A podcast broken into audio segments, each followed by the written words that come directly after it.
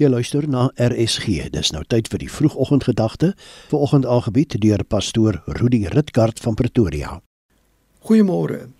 Ons teksvers kom vanmôre uit Psalm 68 vers 20. Prys die Here wat ons dag na dag in sy arms dra. Hy is die God van ons verlossing. Die Psalm is moontlik dat die tyd van die ballingskap saamgestel en handel oor God wat sy vyande verstrooi Die verskil wat daar is tussen gelowiges wat hy beskerm en die ongelowiges wat vergaan. Dit praat oor die almag van God, die oorwinning wat hy bewerkstellig en dat God in beheer is van alles.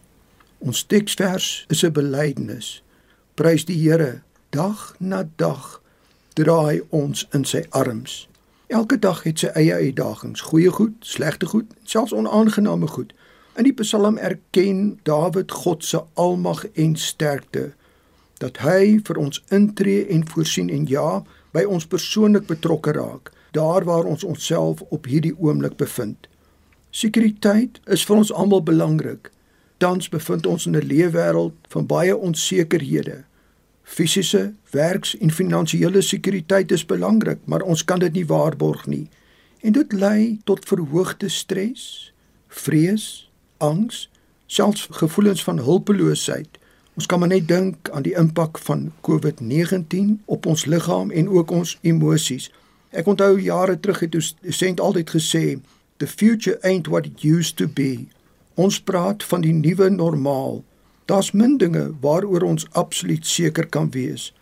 Ons bevind ons in 'n voortdurende veranderde wêreld. Die uitdrukking verandering is al konstante waarvan ons verseker kan wees.